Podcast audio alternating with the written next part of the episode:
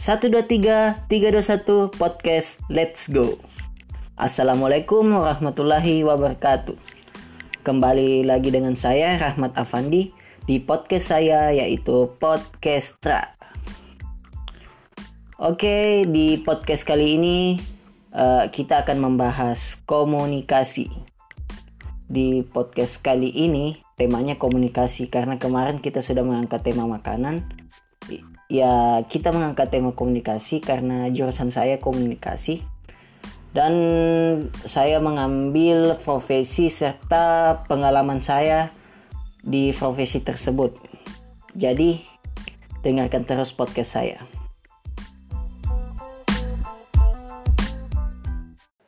Oke, di podcast kedua saya ini saya akan membahas komunikasi tapi yang saya bawakan ini adalah profesinya. Di profesi komunikasi sendiri itu ada empat setahu saya ada broadcasting, ada jurnalistik, ada public relation dan ada juga manajemen komunikasi. Tapi yang saya akan bahas di sini ada dua yaitu broadcasting dan jurnalistik. Kenapa? Karena dua itu uh, pernah saya alami dan menarik untuk saya. Jadi di sini saya akan menceritakan apa itu podcasting dan jurnalistik serta pengalaman saya tentang dua profesi. Uh, kita mulai dari yang pertama. Yang pertama itu ada broadcasting. Broadcasting sendiri artinya adalah penyiaran. Uh, di sini adalah sebuah proses pengiriman sinyal ke berbagai lokasi secara bersamaan, baik melalui uh, satelit, radio, televisi, dan media lainnya.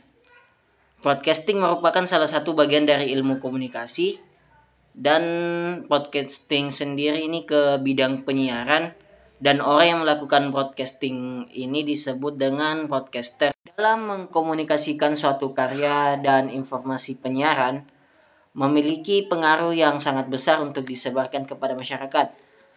Konten yang dibuat harus memiliki daya tarik yang tinggi agar tidak membosankan untuk dilihat dan didengarkan, tapi tidak mengubah fakta yang ada.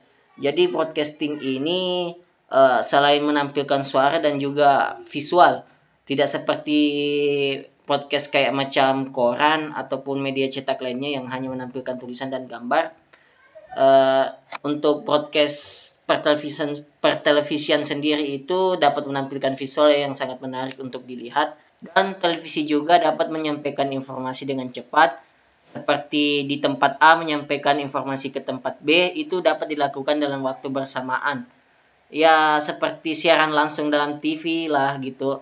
Kayak uh, bola di Jakarta pertandingan bola di Jakarta dapat disaksikan secara langsung oleh masyarakat yang ada di Makassar yang ada di Jayapura. Yang penting daerah itu daerah yang dituju terjangkau oleh sinyal satelit untuk mengirim uh, visual tersebut. Jadi broadcasting ini ya dia mem memakai sinyal sinyal satelit untuk menyampaikan informasi ke berbagai daerah dengan sangat cepat.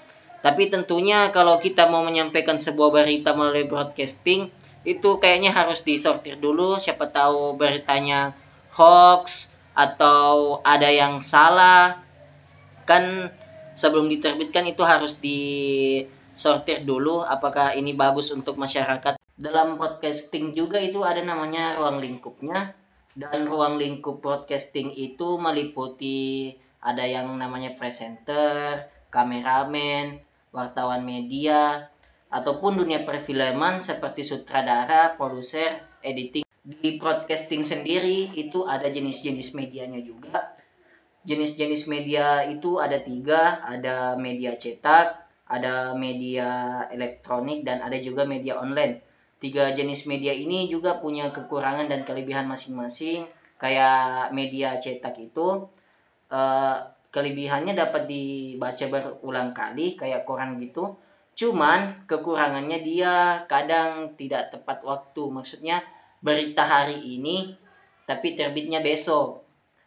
Dan juga kayak apa ya uh, media elektronik kayak media elektronik itu punya kekurangan dan kelebihan juga kalau media elektronik itu cepat dari segi waktu itu kelebihannya Tapi kekurangannya itu tidak ada pengulangan dari media elektronik tersebut. Tidak kayak media cetak ya dapat dibaca berulang-ulang.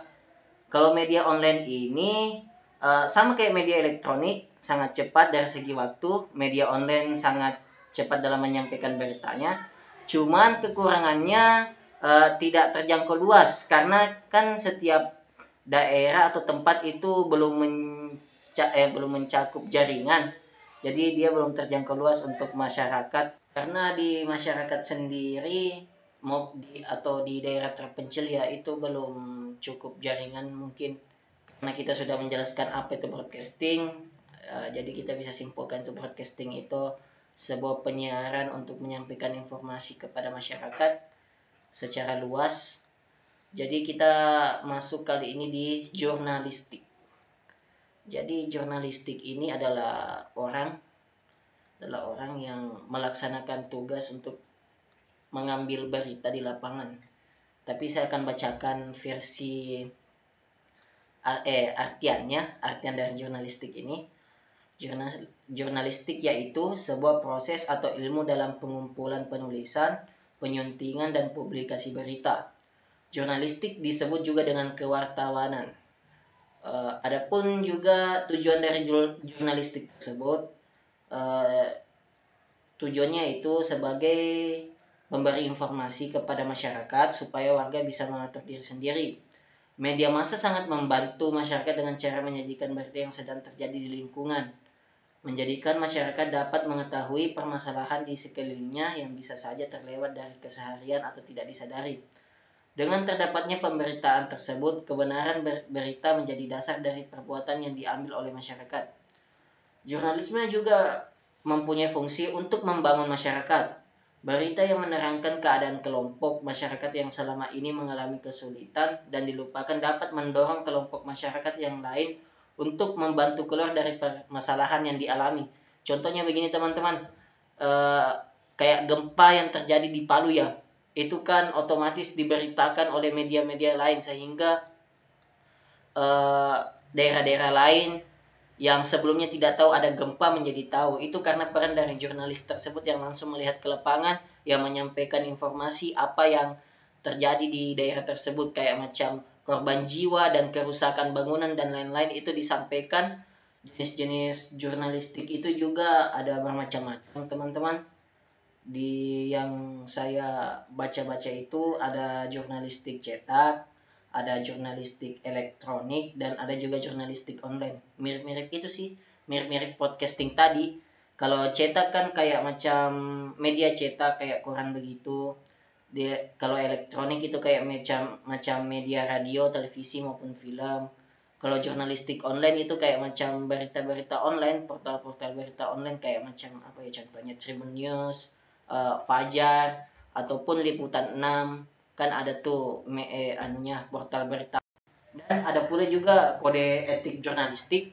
Kode etik jurnalistik itu antara lain uh, independen akurat berimbang dan tidak mempunyai etikat buruk jadi apabila jurnalistik ini enggak enggak apa ya istilahnya tidak netral, otomatis berita yang disampaikan itu juga dengan penuh hoax dan penuh uh, kesalahan begitu yang dia sampaikan. Jadi hati-hati sih buat jurnalistik yang begini yang tidak menggunakan kode etiknya dengan baik dan benar itu dapat menyampaikan hal-hal yang buruk di masyarakat.